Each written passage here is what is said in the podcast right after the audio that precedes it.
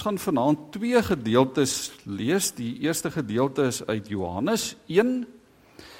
Ehm um, 'n baie interessante gedeelte en dan gaan ons ook uit Jesaja hoofstuk 6 gaan ons 'n uh, bietjie later so na die einde van die van die boodskap toe gaan ons 'n gedeelte lees.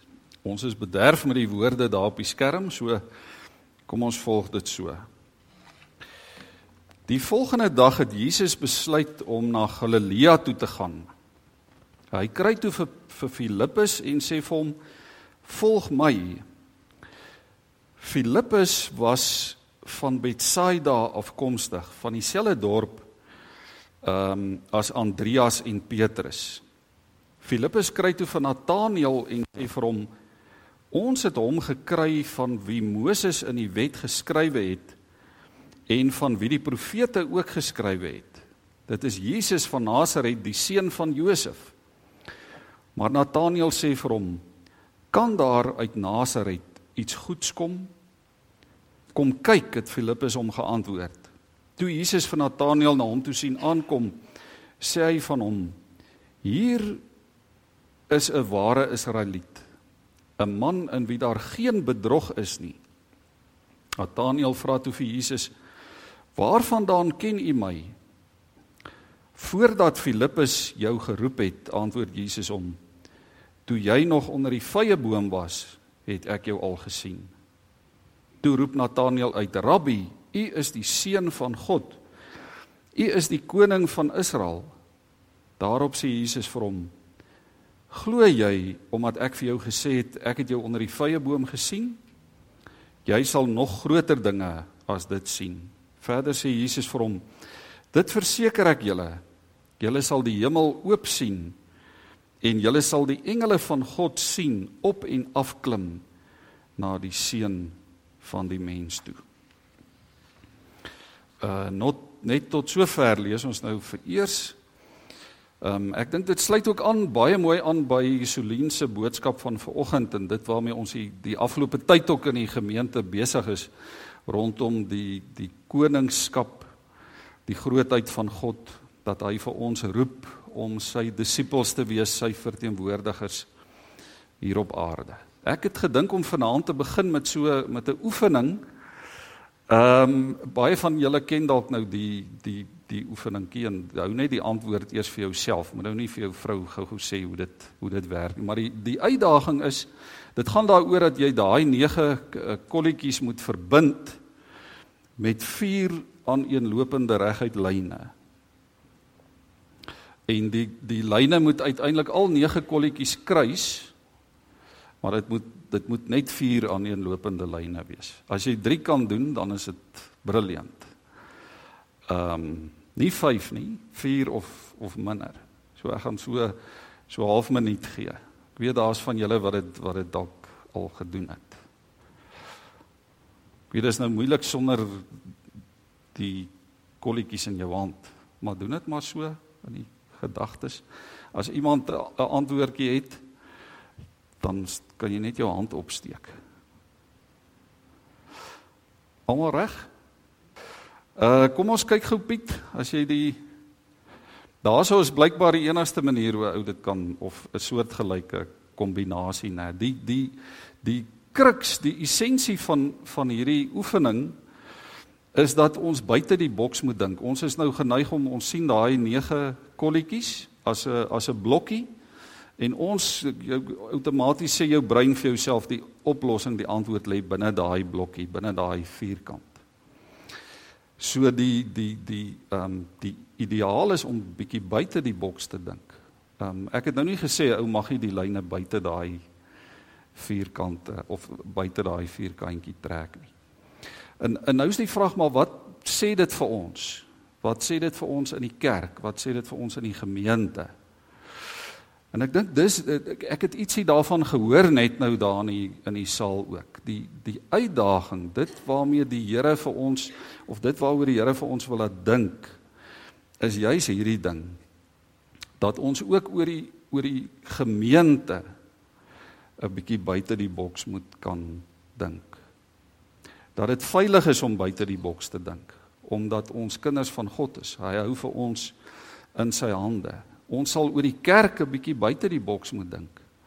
Ons sal oor ons eie geloof, oor ons eie verhouding met God sal ons buite die boks moet begin dink.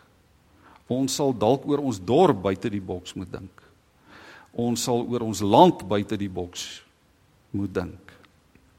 Ons sal oor dit wat die Here van ons verwag, oor die wêreld, die groter wêreld, maar ook die wêreld hier rondom ons waarin ons leef buite die boks moet dink. Nou kry ons in in hierdie teksgedeelte kry ons hierdie vraag: Kan daar iets goeds uit Nasaret uitkom? Ehm um, dis eintlik 'n aangrypende vraag. Ons sou ook kon vra vanaand kan daar iets goeds uit NG Moedergemeente Harry Smit uitkom? Kan daar iets goeds uit die NG Kerk uitkom? Dis nogal 'n groter vraag, né? Ek dink soos wat julle vanaand hier sit en ek scan die gesigte so so vinnig dink ek daar's daar's van julle as julle nou moet eerlik wees wat al in jou hart gesê het uit die NG Kerk uit kan daar niks goeds meer kom nie. En ek vermoed daar's dalk buitekant hierdie ruimte vanaand ouens wat wat so dink. Ouens wat so sê. Ouens wat baie baie krities is oor die kerk, oor die NG Kerk. Ouens wat dalk ook krities is oor ons gemeente. Kan daar iets goeds kom uit hierdie land van ons? met al sy elende en sy geweld en sy moord en al die negatiewe goed wat ons hoor en wat ons self ook beleef en ervaar met al die onsekerhede rondom ons die ekonomiese en die politieke onsekerhede die bedreigings wat ons ervaar wat baie keer vir ons voel maar dit kom al dit kom al nader aan ons lyf dit dit, dit is asof dit vir ons so vasdruk en ek persoonlik het nogal 'n vermoede dat dit ook 'n effek het op ons gemeente wees en op ons kerk wees. Dat daar op hierdie op hierdie stadium 'n soort van 'n lamheid by ons is, 'n soort van 'n verlamming. Dis asof ons net nie buite hierdie boks die moontlikhede kan sien, die grootheid van God ook kan raak sien en vir mekaar kan sê maar God is mos groter as hierdie boks, as ons verwysingsraamwerk as hoe ons dink en hoe ons voel nie. Dalk is daar iemand wat wat voel om te vra maar maar ehm um, kan daar iets goeds kom uit my persoonlike omstandighede uit?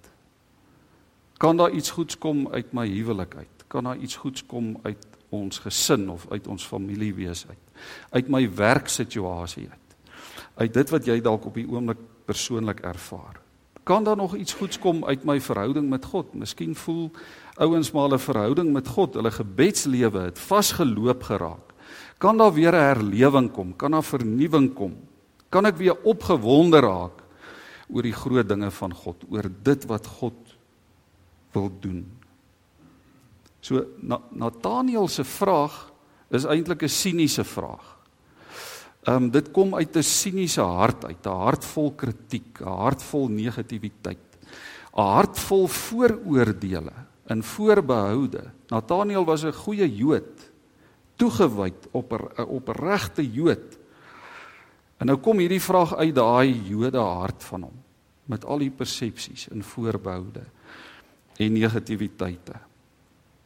Um ek dink baie mense is vasgevang soos wat Nathaniel vasgevang was en ons ook van tyd tot tyd. Ons is vasgevang in gewoontes.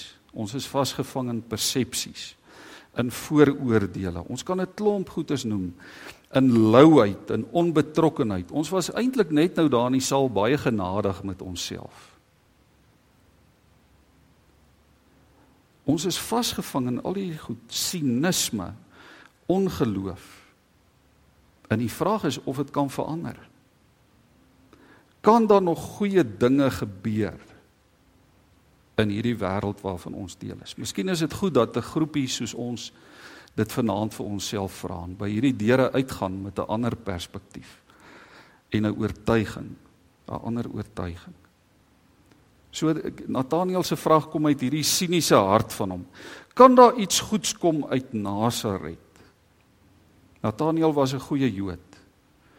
Hy het die hy het die Joodse tradisie geken, hy het die geskiedenis geken. Hy het hierdie Joodse verwysingsraamwerk gehad. Hy het Nasaret baie goed geken. Hy het geweet Nasaret is 'n ou klein, onaansienlike, onbelangrike stofdorpie. Kan daar iets goeds kom uit daai ou plekkie? En en hoor wat antwoord Filippus hom. Filippus sê vir hom: "Kom." Dis 'n uitnodiging. Kom. Kom kyk. Kom kyk wat besig is om in Nasaret te gebeur.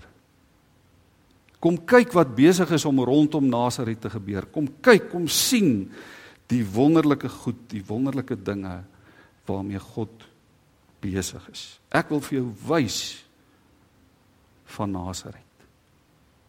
Die Nasaret wat ek ken, wat ek leer ken het kom kyk. Weet jy ek ek wil dit waag en ek het mooi gedink voor ek dit neergeskryf het. Um ek wil dit waag om te sê ek is positief oor die toekoms. En ek sê dit ook te midde van al die voorbehoude in my eie hart, te midde van die sinisme en die kritieke gees wat baie keer dreig om die oorhand te kry. Ek kan nou 'n lang storie vir julle vertel van wat nou so 'n paar weke terug met my gebeur het toe 'n verkeerskonstabel my daar in vereniging voorkeer. Daar het vir my 'n ander wêreld oopgegaan. God se genade die e-, in, in die eerste plek vir my oopgegaan want ek het oombliklik besef vandag hou jy jou mond en jy bly kalm en jy bid hier binne in jou hart. En die Heilige Gees was in beheer anders ter dit julle vir my kom uitbuil met boeye om my om my arms. Sulke goed beleef ons. Hierdie hierdie um omstandighede waarin ons is, daai blokkie, daai boksie is deel van ons lewe van elke dag. Op watter vlak van die lewe ook al. Of dit op die persoonlike vlak is, ons familie, omgewing, daar waar ons werk, ons groter wêreld, ons land.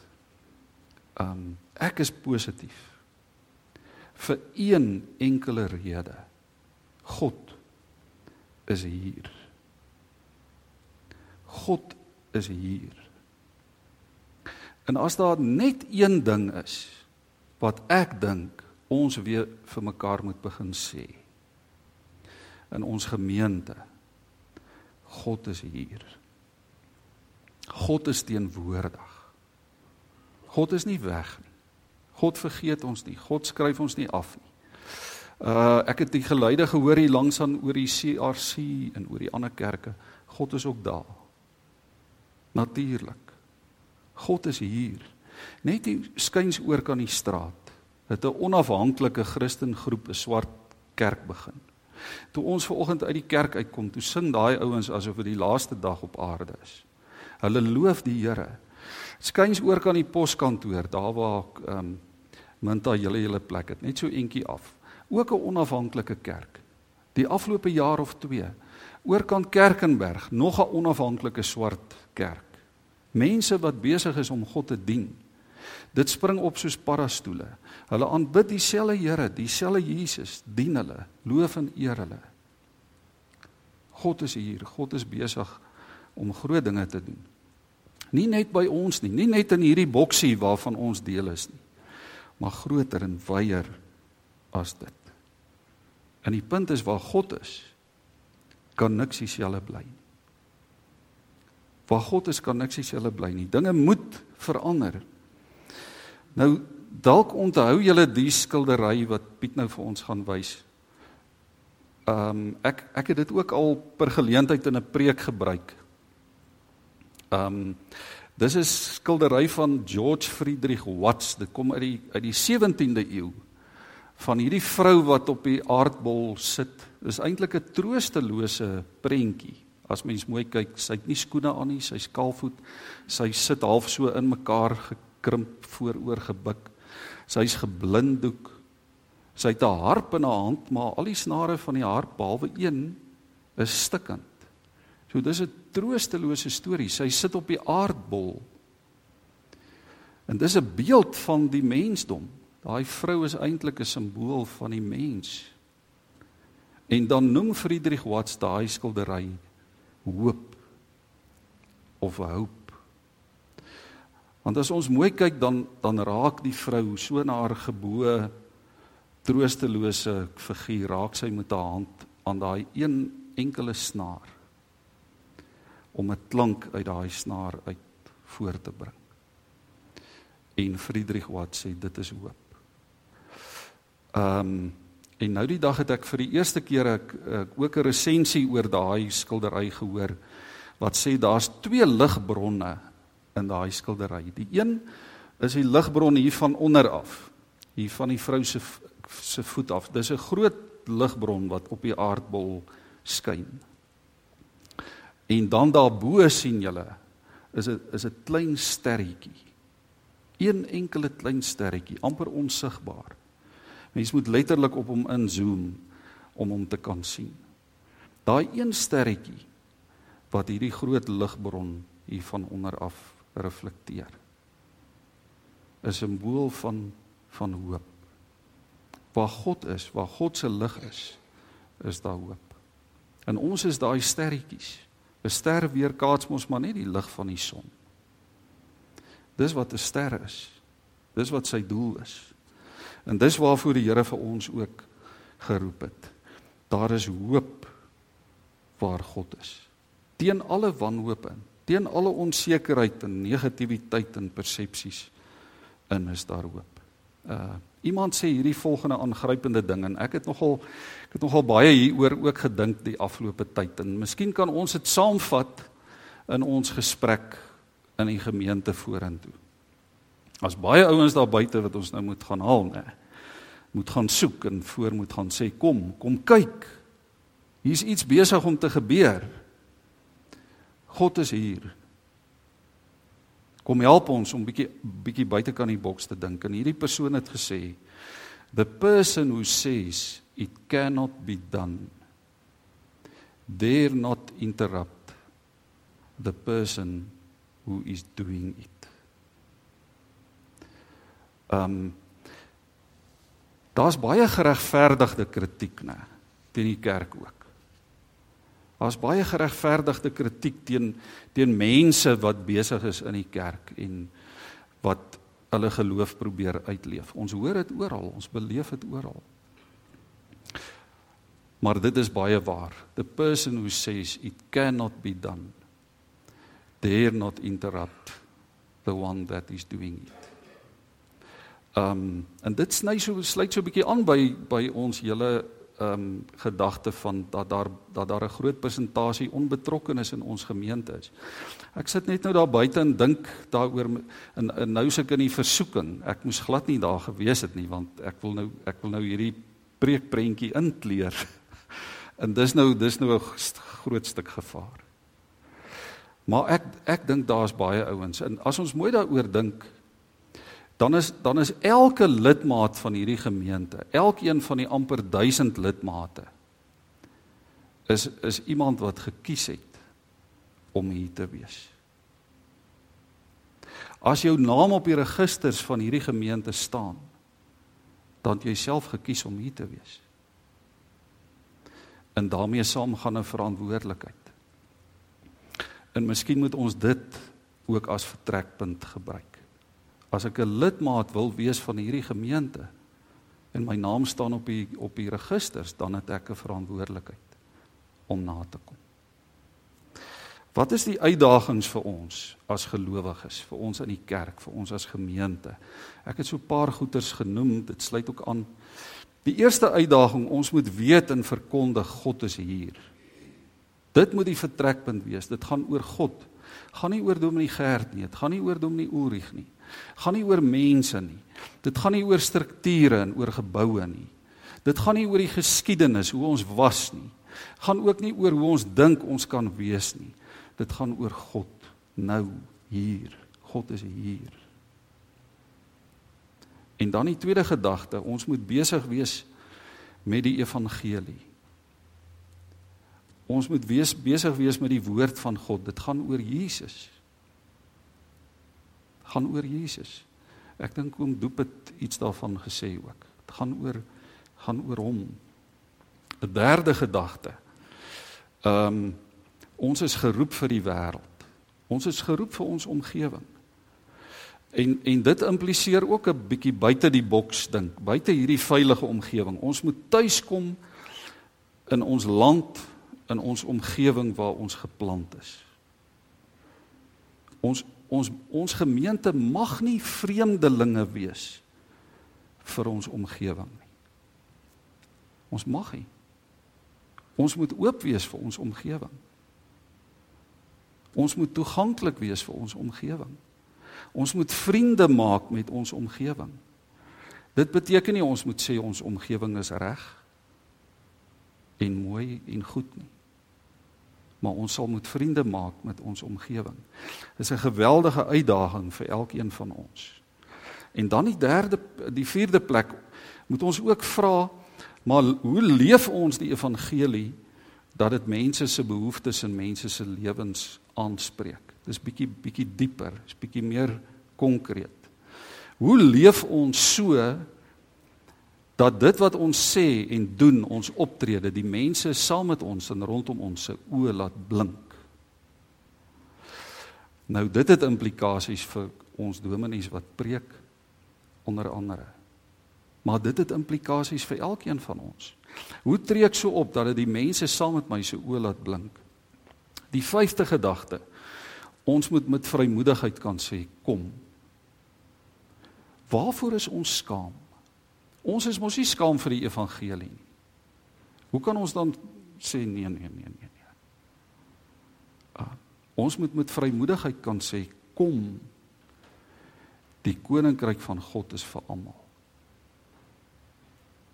Ek het 'n vermoede dis die dis die enigste manier hoe die as ons dan nou oor die NG Kerk moet dink, die NG Kerk kan groei. Die koninkryk van God is vir almal. Nathaniel se lewe het verander. Soos handomkeer. Het dit verander toe Filippus hom aan Jesus uh van Jesus vertel het en hom aan Jesus voorgestel het. En en hoor weer 'n bietjie wat sê Jesus vir vir Nathaniel. Hy sê vir Nathaniel, ek sien jou nog die hele tyd. Die hele tyd sit ek nog vir jou en wag. Ek het 'n afspraak met jou, Nathaniel. Jy en ek. Ek sien jou nog die hele tyd. Ek wag nog die hele tyd vir jou. Dalk is dit wat God ook sê vir Suid-Afrika. vir die vir die omgewing, vir die wêreld hier rondom ons. In die eerste plek vir elkeen van ons. Ek het ek het 'n afspraak met jou. Ek en jy moet met mekaar praat. Ons moet by mekaar uitkom. God weet van jou. Ons moet dit begin sê. God het 'n afspraak met jou. En dan word Nathaniel genooi om deel te word van iets groter. Iets baie meer omvangryk. Daar in vers uh 50b vra Jesus vir hom: "Ehm um, Nathaniel, glo jy omdat ek vir jou gesê het ek het jou gesien toe jy daar onder die vrye boom gesit het? Jy gaan nog groter dinge sien as dit." Daai is maar as as jy nou wonder, hoe is dit dat hy my raak gesien het daar onder die vrye boom? Dit is net die begin. Jy gaan nog baie groter dinge sien as dit. En dan vers 51 sê Jesus toe vir hom: Julle sal die hemel oop sien en julle sal die engele van God sien op en af klim na die seun van die mens toe. Ons sal die heerlikheid van God sien. As ons vir Jesus sien en ons is in 'n verhouding met Jesus, dan is dit onmoontlik om nie die heerlikheid en die grootheid van God te sien en te beleef nie. Daar's 'n link tussen die twee. Tussen 'n verhouding met Jesus en 'n belewenis van die grootheid en die almag van God. Nou weet ons Nathaniel was 'n kritiese mens. Ek het dit net nou gesê. Nathaniel het die Ou Testament geken. Nathaniel het geweet nêrens in die profete en die geskrifte in die Ou Testament staan daar dat die Messias, die verlosser van Israel uit Nasaret uit gaan kom nie. Nathanael het dit geweet. En daarom vra hierdie vraag: kan daar uit hierdie stofdorpie uit kan daar iets spesiaal, iets groots kom, iets goeds. En dan ontmoet hy vir Jesus. En die wind gaan uit sy seile uit. God slaan letterlik die wind uit sy seile uit. Hy begin saam met die ander disippels die groot wonderwerke van God beleef. Um die water word wyn. Siekes word gesond. Blindes sien, krepeles loop. Dowes begin hoor. Hy beleef die hemelvaart van Jesus. Nathanael se lewe was nooit weer dieselfde nie. Nooit weer nie. En uiteindelik hoor ons hierdie belydenis: Rabbi, U is die seun van God. U is die koning van Israel. Dieselfde wat ons ver oggend ook gehoor het. En nou wil ek begin afsluit en vir ons hierdie gedeelte lees. Ehm um, eintlik het ek die boodskap nou hier afgesluit vanaand en toe ehm um, die afgelope week hoor ek hierdie gedeelte in Jesaja, Jesaja 6. In die jaar van koning Usia se dood het ek die Here gesien. Hy het op 'n baie hoë troon gesit en die onderste van sy kleed het die tempel gevul.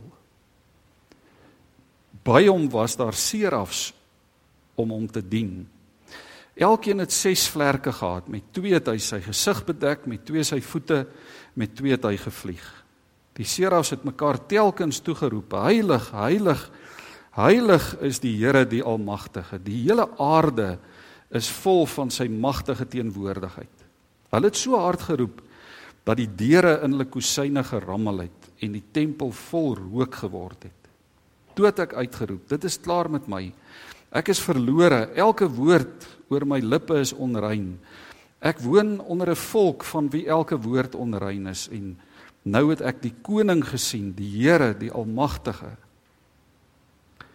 Een van die serafs het 'n gloeiende kool met 'n tang van die altaar afgevat en na my toe gevlieg. Hy het my mond aangeraak met die kool en gesê: "Nou dat die gloeiende kool jou lippe aangeraak het, is jou oortredinge vergewe, jou sonde versoen. Toe het ek die Here oorvra: Wie kan ek stuur?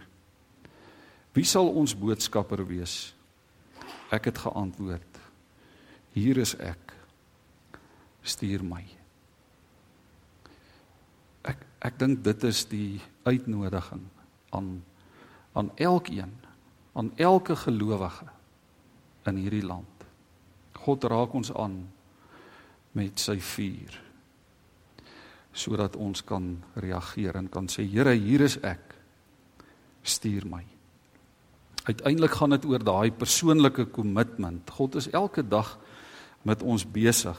Geloof vra hierdie verhouding met God. Dit vra 'n saamloop met Jesus. Dit vra toewyding en volharding en en eerlikheid ook eerlikheid met onsself eerlikheid met mekaar Geloof gaan nie oor nice wees nie. Dit het ek ook hier neergeskryf.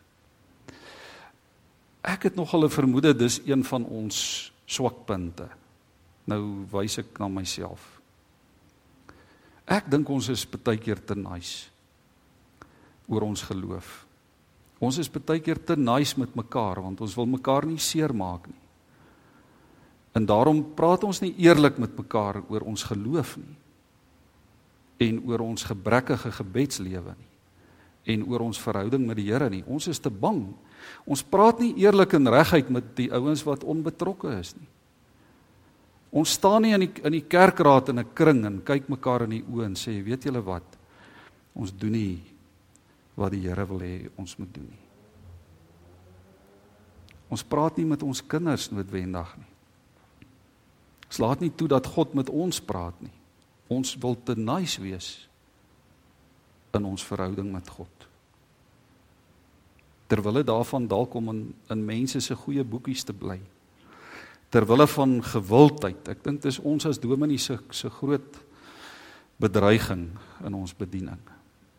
Daar was daar was al baie baie geleenthede in my eie bediening waar ek waar ek ge, ge, voel dit dis my roeping om vure dood te slaan en om dit so mooi en goed dood te slaan dat dit nie môre weer opvlam nie.